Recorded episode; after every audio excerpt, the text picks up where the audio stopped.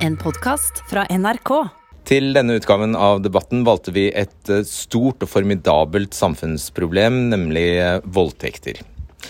Det er jo også et digert eh, isberg som ikke kommer til syne i den offentlige statistikken når det gjelder voldtekter, og vi tok tak i et helt konkret lovforslag som ble fremmet for noen år siden men som for så vidt er aktualisert av at Sverige og Danmark har innført eh, samtykkelover, nå senest eh, Danmark. I Norge er det samme forslaget fremsatt av bl.a. SV i 2017. Det fikk ikke flertall. Til de mennene som måtte benke seg foran denne podkasten og håpe på svar på om de også etter en samtykkelov eh, vil gå fri som overgripere, så er jeg mer i tvil om de vil eh, få et tydelig svar. For dette er kompliserte greier, og det er ikke gitt hvordan en sånn lov skal operasjonaliseres, altså hvordan man praktisk skal kunne gi samtykke. Men det er også noe av det som gjør debatten både interessant og vanskelig. Da. I denne debatten hører du Iselin Guttormsen, sexolog, Thomas Winther, han er også sexolog. Og så en spesiell takk til Elsa Faleide, som eh, ble utsatt for et overgrep, og som valgte å eh, delta i debatten i kveld. Hun har også vært med i NRK-serien Innafor. Stina Holmberg er med. Hun er eh, svensk forsker. Hilde Sandvik er programleder i Norsken, svensken og dansken. Du hører også Guro Angel Gimse, stortingsrepresentant for Høyre, Petter Eide, stortingsrepresentant for SV, Jon Peder Egenes, Amnesty, Silje Hellesen, advokat, Marius Ditriksson, leder i forsvarergruppen i Advokatforeningen, og forsker Jørn Jacobsen ved Universitetet i Bergen.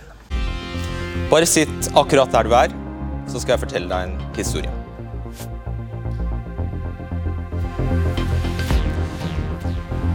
Han eh, gjorde ingenting for å forsikre seg om at jeg ville ha sex. Han trengte ikke bruke vold eller true meg, for jeg klarte ikke å motsette meg fysisk. Hvis jeg dyttet eller ble strengere, var jeg redd for at han skulle bli voldelig eller holde meg fast.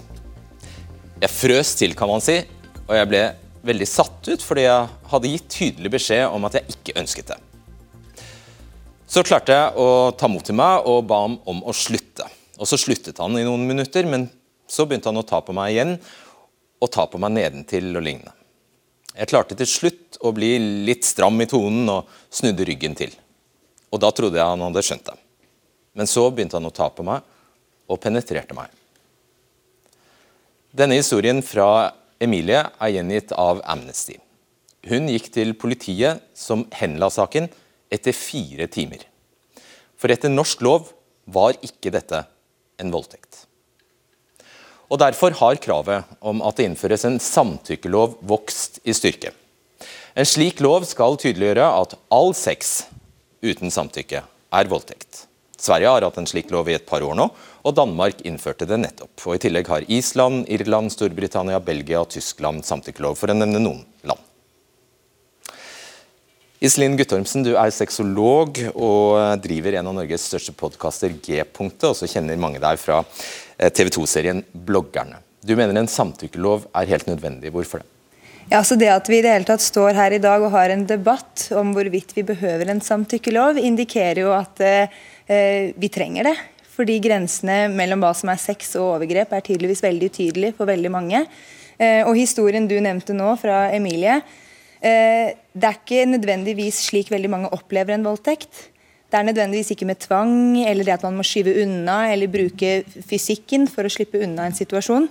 Veldig ofte så er det situasjoner eh, hvor man er glad i mennesket man er kommet i denne situasjonen i. Det er et menneske man liker, som man treffer på fest. Eh, så det er tydelig at vi sliter som samfunn, og generasjonen under oss, og vi selv også, sliter med å se hvor grensene går på hva som er sex og hva som er overgrep. Og i ditt hode, hvordan vil en, sam eh, hvordan vil en slik lov, samtykkelov, fungere? I mitt hode så vil en samtykkelov eh, fungere slik at den vil verne om alle parter involvert i slike saker. Ikke bare ofrene for et eh, potensielt overgrep, men også de som begår dette overgrepet.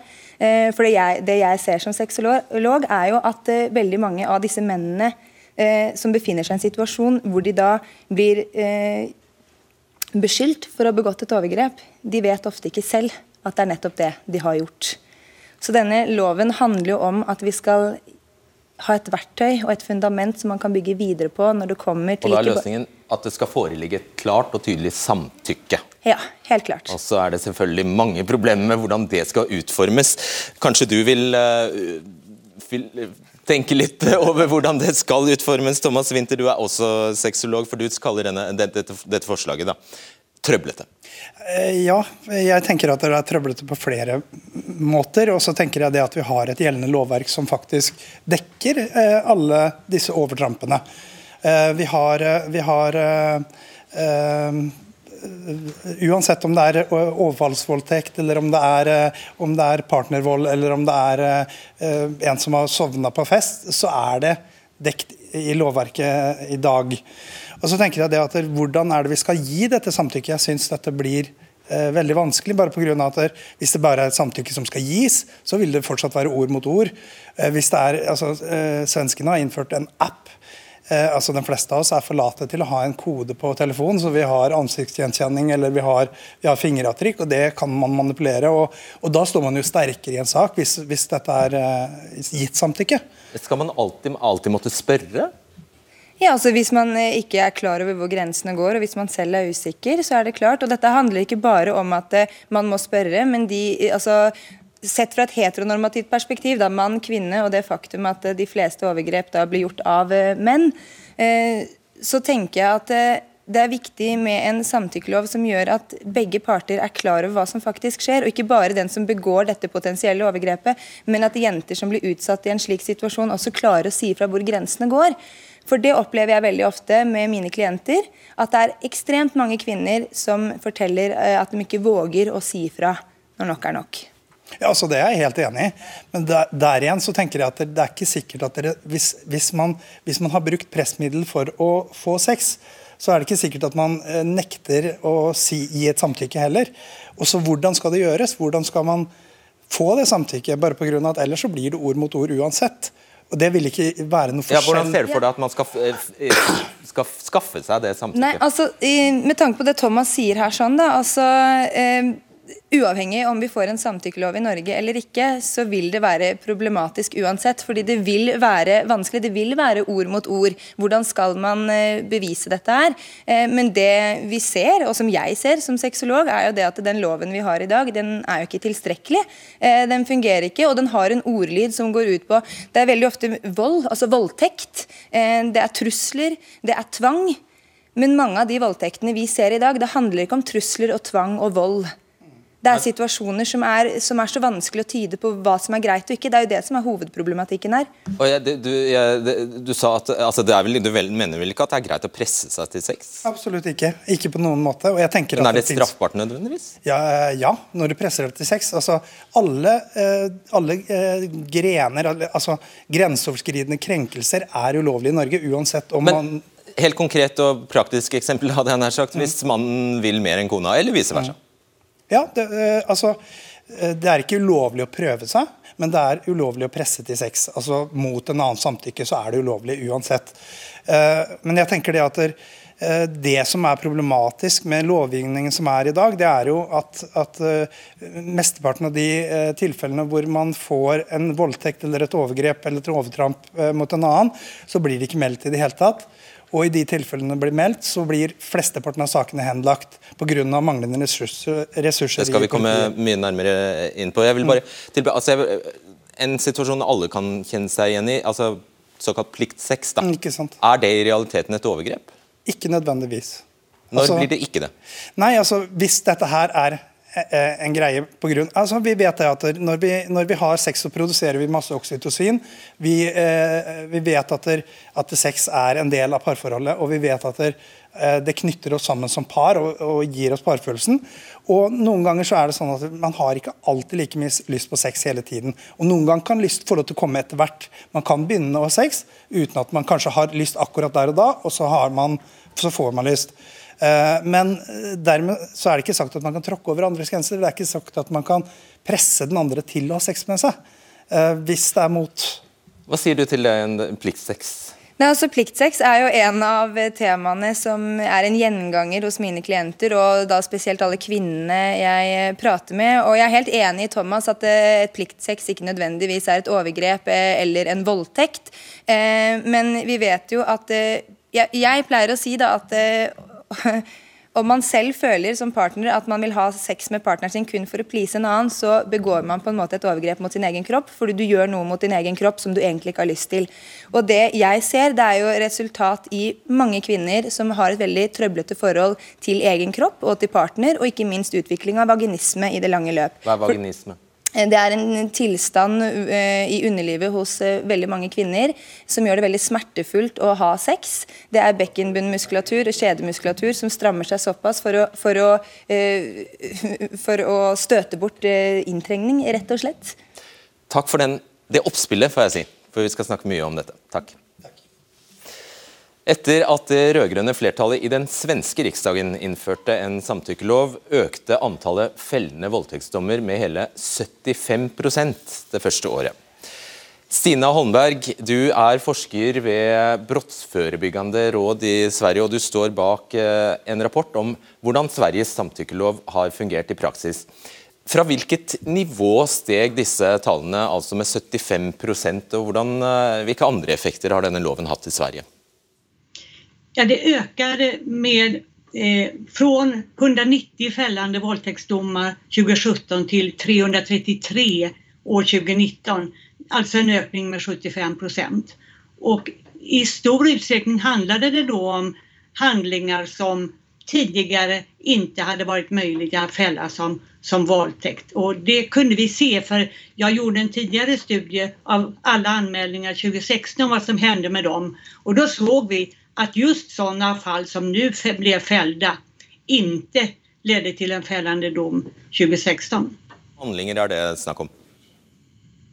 Ja, det kan handla om just det som eh, vi hörde här, eh, en frysreaktion från kvinnans sida som gör att hon inte klarar av att tydligt säga nej. Det kan också handla om att hon har blivit överrumplad i ett nyvaket tillstånd och inte då klarat av att og reagere tilrekkelig snabbt. Hvordan gjør domstolen denne vurderingen helt konkret, når det er ord mot ord og ingen fellende beviser? Hvordan dokumenterer man samtykke? Ja, altså I den store majoriteten av fall som har blitt fällda, da finnes det sterkere bevisning enn enbart parternas ord. Det kan være vittnen som har sett någonting av det hela eller ett erkännande eller en film där, där eh, man kan se någonting som har hänt. Men det svåra är när det är ord mot ord och då är det mycket trovärdighetsbedömningar. Och om, om de har varit konsekventa i vad de har sagt vid olika förhör till exempel. Hva er det enkle svaret på hvorfor flere blir eh, dømt nå, da? Ja, det är, inte, det är dels att nya händelser blir eh, eh, klassade som våldtäkt. Men det är också så att det har blivit mycket fler domar för handlingar som redan tidigare klassades som olagliga. Alltså åtalet avser en handling där eh, offret utsattes för våld. Men med den nya lagstiftningen tycks det som att kravet på att just kunna bevisa våldet i handlingen inte blir lika stor eftersom det finns ofrivilligheten som grund när man ska värdera eh, om det var olagligt. Så att eh, det har slagit igenom då på två sätt, eh, lagen. Nettopp. Tusen takk for at du var med oss, eh, Stina Holmberg fra Sverige. Vi skal eh, hoppe over til deg, Hilde Sandvik. Du er eh, programleder for radioprogrammet Norsken, svensken og dansken på NRK, Sveriges Radio og Danmarks Radio. Og du følger debattene i Skandinavia tett, Sandvik. 1.9 innførte også Danmark en samtykkelov. Hvorfor gjorde, de, hvorfor gjorde de det? Det kom etter fire år med en velorganisert, veldig heftig kampanje. Starta i 2016, eh, der Amnesty og en rekke kvinner eh, begynte å samle historier om manglende rettssikkerhet for eh, voldtektsoffer i Danmark. Danmark fikk kraftig kritikk, og så skal en huske på at Danmark har hatt en annen en en svakere vern for voldtektsoffer, bl.a. så fram til, helt fram til 2013 eh, så var det sånn at eh, en kvinne som f.eks. sov eller var lamma og ikke tok aktivt del, der ble en faktisk ikke dømt for voldtekt. Og hun hadde òg veldig lenge strafferobot for voldtekt som ble begått i ekteskap, f.eks. Men de historiene som har kommet fram nå, Eh, og en massiv kampanje der Amnesty og noen eh, få kvinner har stått i sentrum, har altså klart å, snu folkemeningen i Danmark eh, veldig i løpet av de fire siste åra, særlig de to siste etter metoo sprakk. Og I Sverige var det et veldig polarisert ordskifte før innføringen av loven. Hvordan har debatten vært i Danmark? Den har vært til dels polariserende i Danmark òg, eh, men eh, samtidig så har en òg sett at jeg tror den måten den kampanjen har blitt drevet på, med at flere kvinner har stått fram, eh, med at en har hatt bl.a. en ganske heftig TV 2-dokumentar med ei som står fram med sin historie, så har heller ikke den hatske tonen som en kanskje så i Danmark, den begynte å forsvinne etter hvert. De første gangene samtykkelov kom på bordet, så opplevde venstresida særlig, og de radikale, at de ble latterliggjort. Eh, og Søren Pape, som den gang var, var altså justisminister, han, eh, han sto og snakket ganske hånlig fra talerstolen om at en skulle ha med seg lapp stopper nå for å ha sex. Og, og det frisinte Danmark følte at en, en her moraliserte over unges eh, sexglede. Eh, men den tonen den har forstumma de to siste åra. Og det ble gjort en TV 2-undersøkelse i 2017. Eh, da sa 28% at de syntes samtykkelov var en god idé. I 2019 så var tallet 50 Eh, og Nick Hekkerup, som er justisminister og som nå gikk fram for Sosialdemokratene, eh, han har òg skifta mening ganske kjapt. Eh, det er ikke så lenge siden han ble møtt av demonstranter i trappa på vei inn på Christianborg med folk som sto med plakater og ropte etter han når får vi en samtykkelov, og han sa dette kan ta lang tid. De samme har venta i fire år, han sa da kan vente i et par år til. Og så gikk det egentlig bare noen få måneder og så eh, var denne loven på plass. Samtidig så har en jo også sett, og det vet vi her i Norge også etter hvert, at eh, metoo har eh, virkelig eksplodert i Danmark først nå. Så stemningen for at denne loven skulle bli vedtatt nå, og at Mette Fredriksen igjen kan seile på en eller annen folkeopinion, den var til stede. Hjertelig takk skal du ha, Hilde Sandvik. Ja, Voldtekter skjer dessverre hele tiden. Bare i fjor fikk politiet i Norge inn 1574 voldtektsanmeldelser. Om det tallet i det hele tatt beskriver virkeligheten godt, det vet vi ikke. For ulike voldtektsmottak anslår at under halvparten av voldtektene faktisk blir anmeldt. Og Oppklaringsprosenten er heller ikke stor. I fjor ble 34% av alle sakene oppklart. Og merk, det betyr ikke at sakene endte med domfellelse. Nå skal jeg snakke med Elsa Faleide, som mener en samtykkelov ville hatt effekt for det overgrepet hun opplevde. Du møtte henne i NRK-serien 'Innafor' med Gisle Agledal. Velkommen hit. Takk. Du er eh, jusstudent, og i den episoden av 'Innafor' du var med, så møtte du faktisk han som uh, sto bak overgrepen mot deg. og Dette skjedde i din egen seng. Hva var det som hendte? Ja, uh, Han fikk overnatte. Eh, og jeg sa tydelig fra tidlig at det ikke skulle skje noe. Eh, likevel så begynte han da å beføle meg og litt klining og eh, litt forskjellig. Så sa jeg nei to ganger til. Og snudde meg med ryggen til. Og likevel så penetrerte meg bakfra. Og vi har vært i kontakt med mannen det gjelder. Eh, han vil ikke kommentere dette men uh, ut, utover det han sa innenfor episoden. Men der sa han jo til gjengjeld uh, unnskyld uh, da du kontaktet ham. Og han sier at han først etterpå, senere, skjønte at det han hadde gjort var galt. Og han sier at jeg blir kvalm av å tenke på at jeg ikke skjønte det. Jeg må bare spørre deg om noe jeg tror veldig mange lurer på. Hvorfor i alle dager tok du ham med hjem til din egen seng hvis du ikke hadde tenkt at noe skulle skje? Ja. Det er det mange som lurer på. Eh, jeg mener uansett eh, hva som er foranledning, så har det ikke noe å si. Man skal nå ombestemme seg selv om man hadde lyst eh, i forkant. I vårt tilfelle så var ikke det tilfellet. Jeg sa tydelig fra. Han fikk overnatte rett og slett fordi han trengte et sted å sove, fordi han ikke kom seg hjem. Men likevel så satte jeg grensen tydelig. Hadde en samtykkelov forhindret det du opplevde? Det er jo litt å spekulere, men eh, jeg håper jo det. Eh, jeg tror kanskje hvis vi hadde hatt en samtykkelov, så er det mer eh, debatt og mer snakk om samtykke, om grensesetting. Om å respektere et nei, eller respektere når personen viser at vedkommende ikke ønsker. Men det hadde jo forutsatt at han hadde hatt samvittighet, da? Definitivt. Så det vet man jo ikke på forhånd. Tror du han hadde blitt dømt med en samtykkelov? Det er ikke sikkert, eh, for beviskravet er jo selvfølgelig veldig vanskelig. Hvis han hadde tilstått sånn som han gjorde til meg, så kunne han nok eh, blitt dømt. Men det forutsetter jo nettopp det, da. Ikke sant? Og du anmeldte, hva skjedde? Jeg anmeldte, og det ble henlagt samme kveld, offisielt dagen etterpå. da. Eh, som intet straffbart etter voldtektsparagrafen. Og I din sak, som i så veldig mange andre her, så det, blir det ord mot ord. Hvordan skulle en samtykkelov løse det? Uansett så er bevissituasjonen vanskelig. Eh, er det ord mot ord, så, så, ville det nok definitivt ikke ført til domfellelse i mitt tilfelle. Og i veldig mange andre tilfeller så vil det også stoppe grunnet bevis. Eh, men likevel så eh, vil det påvirke at sakene etterforskes i tilstrekkelig grad, f.eks. Nettopp. Og da har Guro Angel Gimse kommet til studio. Du er stortingsrepresentant for Høyre, så nå syns jeg egentlig du skal få komme med din utfordring til eh, henne og politikerne? da? Ja, eh, Det jeg egentlig ønsker, da, er at eh, tilfeller som mine skal anerkjennes som de overgripende de er. Det gjøres ikke per dags dato. Det at det fanges opp av 297 er ikke nok. Det er ikke tiltenkt i tilfellene. Så vi mangler definitivt et vern der. da.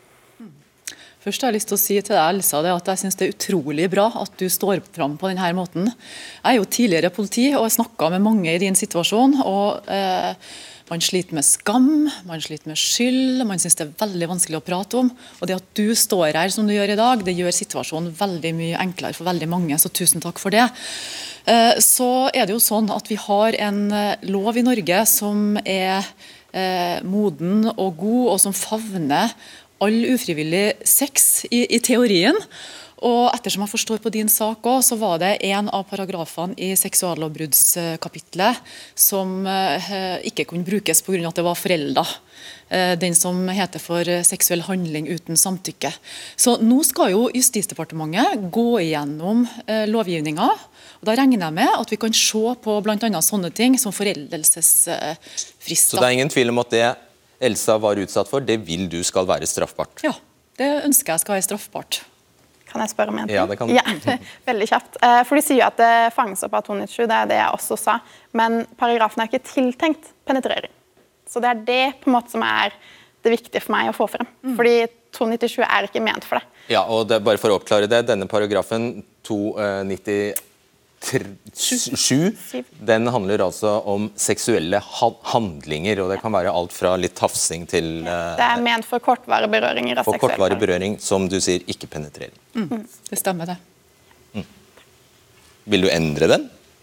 Altså, jeg tenker at uh, lovgivninga som vi har i dag, er, er god nok. Uh, å gå noe lenger i uh, den samtykkeparagrafen som vi faktisk har, det er jeg skeptisk til. Eh, men i tilfellet her nå så har vi kunnet fått en pådømmelse ut ifra at det her var en Dersom ikke foreldelsesfristen eller dersom foreldelsesfristen den Hadde vært endret. Skjønner. Mm. Ok, Da har vi fått besøk av flere her. Det er Petter Eide, stortingsrepresentant for eh, SV. Og så er det Sille Hellesen, advokat. Og eh, Marius Ditriksson, leder i Forsvarerforeningen i Advokatforeningen. Først til deg, eh, Petter Eide. Eh, SV har fremmet dette forslaget på Stortinget senest i 2017, ble vel behandlet i 2018, og dere led nederlag. Flertallet ville ikke ha en sånn uh, lov. Det er jo ikke allerede i dag lov til å ha sex med noen som ikke samtykker. Så hva skulle denne loven være godt for? Jeg skal ta det, men jeg har lyst til å ta et litt større utgangspunkt. fordi Jeg har sittet og hørt på denne debatten her ute, og jeg tror nok folk som følger med på dette, kanskje mange tusen kvinner som ser på dette som Eh, selv har veldig vonde opplevelser, kan nok kanskje være litt forvirra i hva vi egentlig ønsker å oppnå. Vi har veldig mange voldtekter i Norge. Det er et stort samfunnsproblem. Jeg tror det er et sted mellom 10 og 15 000 voldtekter i Norge, som jeg har lest. Du viste selv hvor mange få anmeldelser det var. Eh, vi som politikere vi er forplikta til, til, å finne en løsning på hvordan vi kan håndtere dette på en bra måte, fordi det er et stort problem. Vi må se på de forebyggende tiltakene. Vi må se på hvordan politiet arbeider med det. Politiet har store problemer med å håndtere dette. Dette hadde NRK en sending om i dag tidlig. Spol framover til forslaget ja, jeg skal gjøre det. Og det tredje vi må gjøre, er å se på lovgivningen. Er den lovgivningen vi har, nok, eh, vi har i dag, er den god nok? Og Det er det vi diskuterer. Men det er altså ikke sånn at hvis vi endrer lovgivningen, så får vi ikke bukt med dette problemet hvis vi heller ikke gjør noe med de andre Nei, tingene. Det, det er helt avgjørende. Vi må, Politiet må også ha ressurser til å gå inn i dette. Problemet med dagens, eh, med dagens eh, voldtektslovgivning er at den ikke til, i tilstrekkelig grad gjør det forbudt å ha ufrivillig sex. Vårt mål er at uh, all sex skal være frivillig, og er det ikke frivillig, så skal det være ulovlig. Ja, og den, den teksten du foreslo, var uten oppriktig samtykke? Vi, var det, det var den teksten vi foreslo for tre år siden. Vi må klargjøre disse prinsippene veldig tydelig nå. Og det skal være klart for alle som ser på dette, at målet her er at sex skal være frivillig. Er det ikke frivillig, så skal det være forbudt. Dagens voldtektsparagraf er ikke tydelig nok på dette. Den gir ikke tydelig signal nok til eh, folk der ute Eh, om hva som er lov og ikke lov, og vi ønsker å endre det. Bare, bare, ja, apropos forvirring, betyr det at du ville ikke ha fremmet samme forslag i dag? Vi, vi, eh, vi må se på om altså, Vi har ikke fremmet en lovtekst. Vi har fremmet, en, vi har gitt, vi har fremmet et forslag om å be regjeringen komme tilbake med, ja, en, lov, ja, nå, med en lov som klargjør at ufrivillig sex skal være forbudt. Det er det vi ber regjeringen om. og Det kommer vi til å gjøre igjen. og så skal vi se. Det er prinsippet her vi vil ha tilslutning til. Om Stortinget gir tilslutning til et prinsipp, så ber vi regjeringen komme tilbake til Stortinget med en lov. Og Det er det vi ønsker å gjøre også nå. Så må jeg si en ting til før du går til Høyre. fordi det er interessant, når jeg hørte på, på, eh, på Guro Gimse her, så er det faktisk sånn at i regjeringens egen handlingsplan så problematiserer de dette. Og De mener uh, også at den voldtektsparagrafen vi har i dag, som har dette begrepet vold og tvang i seg, som vi har diskutert tidligere i dag, at det er uh, ufullstendig. Og de problematiserer det selv. Så langt på vei så tror jeg nå at regjeringen også innser det problemet de har. Okay. Vi har historien med at dette lenge, kommer til å skje i Norge. Så får slippe til. Ikke minst Marius Dietriksson, som sagt leder for forsvarergruppen i Advokatforeningen. Hvorfor er det helt feil å innføre en samtykkelov? Ja, Vi tror dette er eh, feil medisin til hva som er problemet. Problemet ligger i rettsstatens eh, krav til bevis og visshet eh, for at man skal dømme. Det gjelder i drapssaker, det gjelder i ranssaker og det gjelder i sedelighetssaker. Eh, og Vi godtar det på alle områder. Vi kan ikke helt se hvorfor vi skal renonsere på dette på sedelighetsområdet. Og Det vi skal ha klart for oss, det er at dagens lov fanger opp de tilfeller man ønsker å straffe. Da man har vurdert å innføre et samtykkekrav eh, fra lovgiverhold både i 2000 og i 2013, og det har blitt utredet et utall ganger av departementet, og de har slått fast hver gang, med støtte fra Riksadvokat og også fra oss i Advokatforeningen, at dagens lovverk dekker de tilfellene som her er aktuelt. Åpenbart ikke, da. Så, det kunne du jo se selv. Med Elsa. Uh, Uh, ufrivillig sex er ikke tillatt. Eh, og Det rammes av ulike bestemmelser i sedelighetskapitlet. Det kan, være, det kan være sex med mindreårige, det er ikke et reelt samtykke. Eller det kan være voldtekt, som eh, setter straff for ulike tilfeller eh, av ufrivillig sex. Det være helt opplagt ved vold eller trusler, men det kan også være ved at man har sex med en som ikke er i stand til å motsette seg handlingen. Og lovgiver har presisert, og rettspraksis har lagt til grunn, et svært vidt begrep når det gjelder å ikke være i stand til å motsette seg. Og det omfatter alle de tilfellene ja. som er trukket frem. Så gjør det, det nå egentlig det? Fordi, hva, vent nå litt. Gjør det nå egentlig det? Fordi det, det er et stadig tilbake, et begrep som stadig er tilbakevendende, det er altså dette her at man fryser til. Man er klinisk bevisst. Man kan ta, Øynene kan være åpne, kan, man kan fungere ellers. Det var et uh, tilfelle fra Hemsedal der, der uh, offeret brukte telefonen. Men man er altså innfrir ikke lovens krav. Eh, eh, hvis man ikke er i stand til å motsette seg, eh, så, eh, og vedkommende forstår det, så er det altså ikke tillatt. Og De frysetilfellene du her omfatter, er jo nettopp en del av det. Så ja, det omfattes. Og så er det vist til her eksempler fra Sverige, og også fra Danmark, hvor vi hørte at loven i Danmark var litt annerledes. Og da kan jeg føye til det var den også i Sverige. I Sverige var den sånn at eh, alle de tilfellene vi i dag klart ser på som voldtekt, ikke er det i Sverige. Så når de innførte dette såkalte samtykkekravet i Sverige, så gjorde de også andre endringer. nemlig grovt uaktsom Så da voldtekt. kom de mer på linje med vår, eh, vår lov, da? Ja, helt klart. sånn Så Hvis vi hadde ikke gjort den endringen, men bare gitt dem vår lov, ja, så hadde de stått og sagt akkurat det de sier nå. Eh, Så, så det, er, det er en vanskelig øvelse der. Det er en vanskelig øvelse der å peke på andre land, for hver land har sine spesielle lover og sine spesielle tradisjoner. Nettopp. Silje Hellesen, du er advokat i Haugesund, og eh, skal for ordens skyld, det kan hende noen googler og Twitter, at du er Arbeiderpartipolitiker også i eh, Rogaland. Det er underordnet her. Hva mener du rent juridisk mangler i dagens lovverk som gjør at du etterlyser en samtykkelov? Ja, jeg mener at dagens voldtektsbestemmelse ikke er fullstendig, og ikke evner å fange opp alle de voldtektene. Og jeg er derfor uenig i det som er blitt sagt eh, fra andre sida. Det er et interessant paradoks i norsk strafferett at et mindre alvorlig seksuelt overgrep, det som kalles for seksuell handling, altså f.eks. det å ta noen på et bryst, det er straffbart. Men et mer alvorlig seksuelt overgrep, det som vi kaller for seksuell omgang, som f.eks. er et samleie, det er ikke straffbart etter norsk lov. Det blir først straffbart når det er blitt brukt vold, trusler, eller fornærma var ute av stand til å gjøre motstand eller var bevisstløs. Det vil si at dersom en kvinne klart sier nei, jeg ønsker ikke dette her, og den som er mistenkt i politiavhør, sitter og sier at det, det forsto jeg, men jeg gjennomførte et samleie likevel. Og det ikke var brukt vold, trusler eller fornærmede ikke var i stand til å gjøre motstand eller var bevisstløs, ja, så er ikke det en voldtekt. Og da har vi en sånn situasjon i Norge i dag at det blir det som vi jurister kaller for nedsubsumert til en seksuell handling. De kaller det altså for et mindre alvorlig straffbart forhold enn det faktisk er. Skal det være sånn, Jimsel? Og Jeg er av den oppfatning at loven er god som den er i dag. og det er jo som Didriksen sa Ja, her, at vi Ta har det jo eksempelet som hun kom med. da. Ja, eh, Med det som gikk på 297 Handling og omgang. Ja, Det er jo to forskjellige paragrafer det her som omfatter ulike handlinger. Det ene er jo en handling som er en mye mildere variant og har en strafferamme på ett år. Og det blir straffet, sier hun, påpeker hun, paradoksalt nok. Men, men, eh, men eh, omgang, som, kan være, som er langt verre, det blir ikke straffet så fremst det ikke forefinnes vold, trusler eller bevisstløshet. Eh, Det stemmer ikke. Vi har også det som Didriksson sa her i sted, at man eh, i situasjoner der man er ute av stand til å motsette seg det, så eh, straffes det her. Og Der kan vi jo bl.a. ha de her fryssituasjonene. Og Nå sa jo jeg det i sted, at regjeringa skal jo gå gjennom lovgivninga. Da ser ikke jeg bort ifra at vi kan gå inn og presisere det her med frys opp imot lovgivninga som er i dag, sånn at det blir enda mer konkret.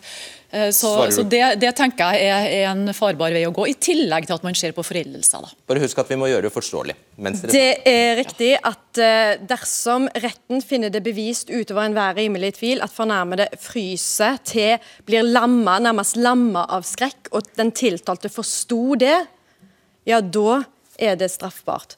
Men altså situasjoner hvor dette er uklart, hvor en ikke Altså, det burde vært så enkelt og greit at det å ha sex med noen, det skal være frivillig. Og hvis du er i tvil om det er frivillighet, ja, da er det en voldtekt. Jeg tror det er i overensstemmelse med folks rettsoppfatning òg, og veldig mange jeg snakker med om dette her, forstår ikke engang at det ikke er sånn per i dag i dagens lovverk. Så da må man spørre hver gang. Man må ikke spørre hver gang nødvendigvis. Et, eh, et samtykke, og det er jo mange vi hørte det i stad, noen flåser litt med det om at eh, ja, må du ha en skriftlig kontrakt da, kanskje? Nei, sånt er det ikke. Vi har allerede et regelverk som gjelder seksuell handling uten samtykke. Lovgiver har sagt at et samtykke det er f.eks. at det vises ved ord eller handling eller omstendighetene for øvrig. Så det er ikke sånn at eh, ja, Hvordan bevises det i retten, da? det er bevises sånn som det bevises for øvrig i retten når det gjelder seksuell handling. Ofte saker, Denne type saker, voldtektssaker kommer ofte ikke i retten. Jeg tipper Fordi- det ikke er tusenvis som blir dømt for seksuell handling i, rett, i norske rettssaler. Det er det ikke. Og, Nei. det som er at denne type saker der det er en fornærma og en tiltalt i samme rom, så er det ofte ord mot ord. Og det å bevise det er vanskelig. Det vil det òg bli med en ny lov. Men det er viktig å få en holdningsskapende effekt, Skjønner. og det er viktig å skape og tydeliggjøre ansvaret. Hold pusten, fordi Jørn Jacobsen, du er professor i strafferett ved Universitetet i Bergen, har skrevet en bok om de strafferettslige sidene ved voldtekt. Hva er problemet, syns du, med ordet samtykke i en juridisk forstand? Fra et strafferettslig perspektiv så er vi vant til å tenke på eh, samtykke som et begrep med en kjerne, men utover det med ganske uklare konturer. Det kan være ulike ting som kan eh, virke som et samtykke i ulike kontekster, og det er ulike krav som stilles i ulike sammenhenger.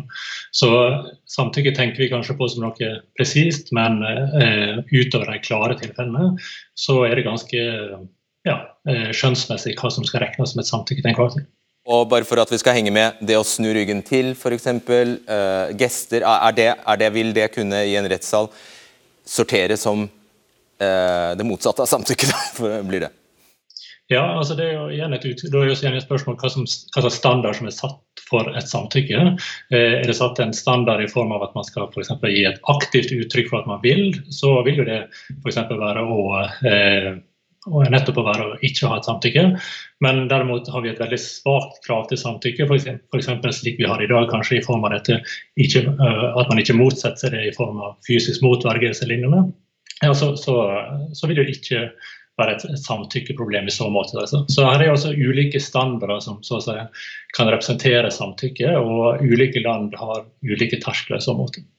Vil det nesten i nær sagt alle tilfeller man eh, kan tenke seg innebære at man må si nei? Tenker du da i forhold til eksisterende rettstilstand i dag? Eller ja, i til, i en, med en ny lov. Ja, altså det, igjen, Da må vi stille oss spørsmålet dersom vi får f.eks. et samtykkekrav eh, som avgjørende i lovgivningen, så kan jo det tolkes slik at, man eh, må markere sin vilje, og ellers foreligger et samtykke. Men det kan også snus på hodet og si snarere at man aktivt må gi uttrykk positivt for at man vil på et eller annet vis. Et kjapt eksempel uh, til slutt her. Uh, la oss si at uh, etter en kveld etter jobb så maser Per om samleie. Kari er sliten, vil bare sove. Men dette kunne vært snudd på hodet, merker jeg. det kunne godt ha vært omvendt. Men for å få fred fra partneren sin da, og dårlig samvittighet for å jobbe for mye, så får Per gjennomføre samleie mens Kari er helt passiv. Vil dette kunne rammes av en lov der samtykke er skrevet inn som et premiss? Man kan tenke seg at man har skrevet samtykke og krever en, en slags aktiv og et mer positivt ja fra parten. og Da vil jo det naturligvis rammes. Eh, man, aksepterer man også andre uttrykk for samtykke, f.eks. slik at man legger seg i sengen og lignende osv. Og, så og, og regner så si, også den type fysiske eh, uttrykk og så videre som samtykke, så blir det mer komplisert. Så det avgjørende her er jo nettopp hvor vi setter terskelen for hva som skal regnes som et samtykke, og det er et ganske åpent spørsmål. Sånn sett. Takk skal du ha, Jørn Jacobsen. Og da har vi også fått inn Jon Peder Egnes, generalsekretær i Amnesty International eh, Norge. Dere har ført en årelang kampanje for å få på plass en, eh, en sånn eh, lov som vi snakker om her, en samtykkelov. Men dere utførte også i 2013 en undersøkelse som viste at 23% mente kvinnen er helt eller delvis ansvarlig for egen voldtekt hvis hun frivillig er med, mannen, er med mannen på nachspiel. Den samme undersøkelsen sa at nesten tre eh, av eh, nesten 30% av menn svarer at kvinnen er ansvarlig for voldtekten hvis hun åpenlyst flørtet med mannen tidligere på, på kvelden. Vil ikke, dette, dette vil du ikke løse med en lov. Nei, og, og, det har vært sagt da før, Loven is alene kommer ikke til å løse problemet. Men det som er viktig her, og det som jeg syns man hopper litt lett bukk over, det er alle disse eksemplene på kvinner, som vi har dokumentert også i våre rapporter, eh, og menn, som opplever noe som vi alle tror jeg oppfatter som voldtekt, og som faktisk går til politiet, anmelder og får beskjed om at det er intet straffbart forhold. Da kan man ikke si, som disse to eh, på denne siden har sagt, at loven dekker alt. Vi har eksempel på eksempel. Jeg må få lov til å gi ett. I en rettssak i Drammen så satt domstolen og så på en film av en kvinne som de alle var enige om hadde ufrivillig sex med en mann. Bestekompisen hans filma, så stilig var det. Og så satt de og fulgte med på, nøye, nøye. Sover hun, eller sover hun ikke? Så kom de til at hun ikke sov, og så ble han frifunnet. Selv om alle var enige om at dette var ikke frivillig sex. Hun våknet brått av at han lå med henne. Så situasjonen er at dette forekommer. Men kan jeg bare få lov til å si en ting? Du har sagt en ting, så det blir den andre ja, tingen i hvert fall. Tingen, ja, men en ting til. Jeg tror det er innmari viktig, og vi hører fra politiet, og jeg tror på dem, at uh, det gjelder særlig gutter, kanskje ikke engang er fullt klar over at de begår en voldtekt. Og Det er der jeg tror denne loven har sin viktigste funksjon. Den kan si tydelig ifra at hvis du lurer, så må du spørre. Så det er bare en signallov? Nei, altså selvfølgelig vil de også, som de har fått i Sverige, så vil vi kunne dømme. Elsa vil potensielt sett Du vil i hvert fall få den oppreisningen, og politiet tar det på alvor og sier bare det du opplevde, det er lov. Ditterson, hvis rettstilstanden er som du eh, hevder, at, lovene, at det eksisterende lovverket omfatter alle, alle mulige eh, til, tilfeller, så enten så snakker han ikke sant, eller så tar du feil? Ja, Det er feil eh, medisin som eh, foreskrives. fordi Departementet og påtalemyndigheten konkluderer med ved disse undersøkelsene, det er at eh, vår lovgivning fanger opp eh, eh, ikke-frivillig sex.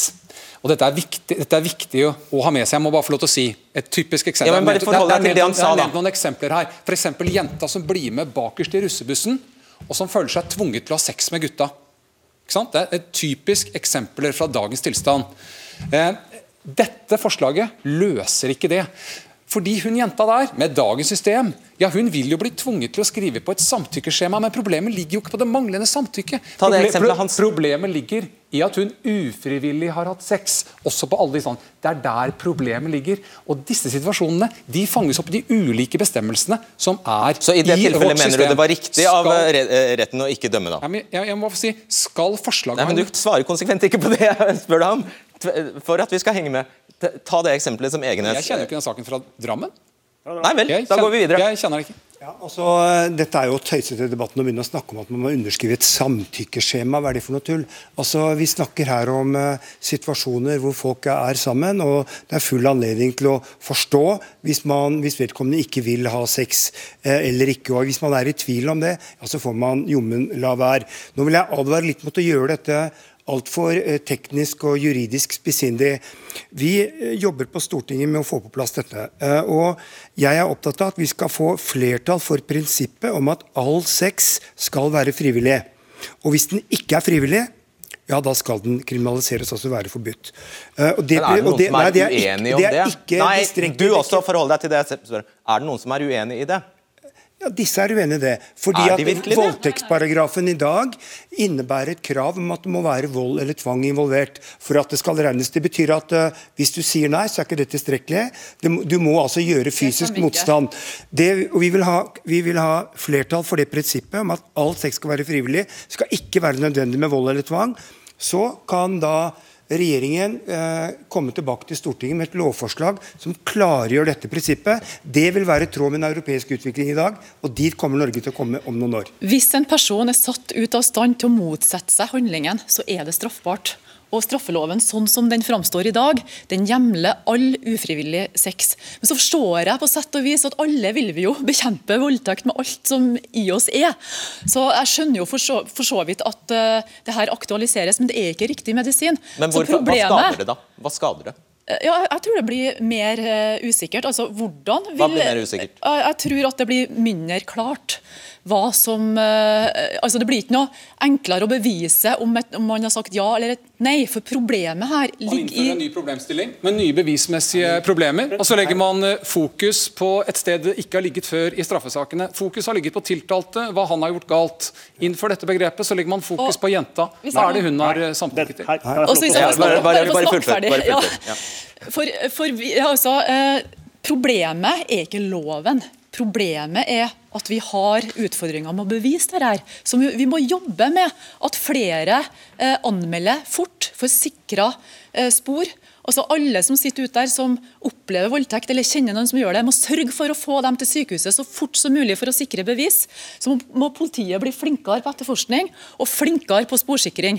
Så her ligger det i en annen ende, de utfordringene som er. Og så må vi jobbe forebyggende, og det snakker vi veldig lite om. Det er også alle enige om. eh, Men Helle. Hellesen, bevis, altså bevisbildet og, og Det blir jo ikke noe annerledes. Det rører seg jo ikke av flekken med en sånn lov. Bevisbildet i voldtektssaker er alltid vanskelig, og det skal det være. Det skal bevises utover enhver rimelig tvil dersom noen skal domfelles. Så hva vil det hjelpe med en ny lov hvis ikke beviskravene endres?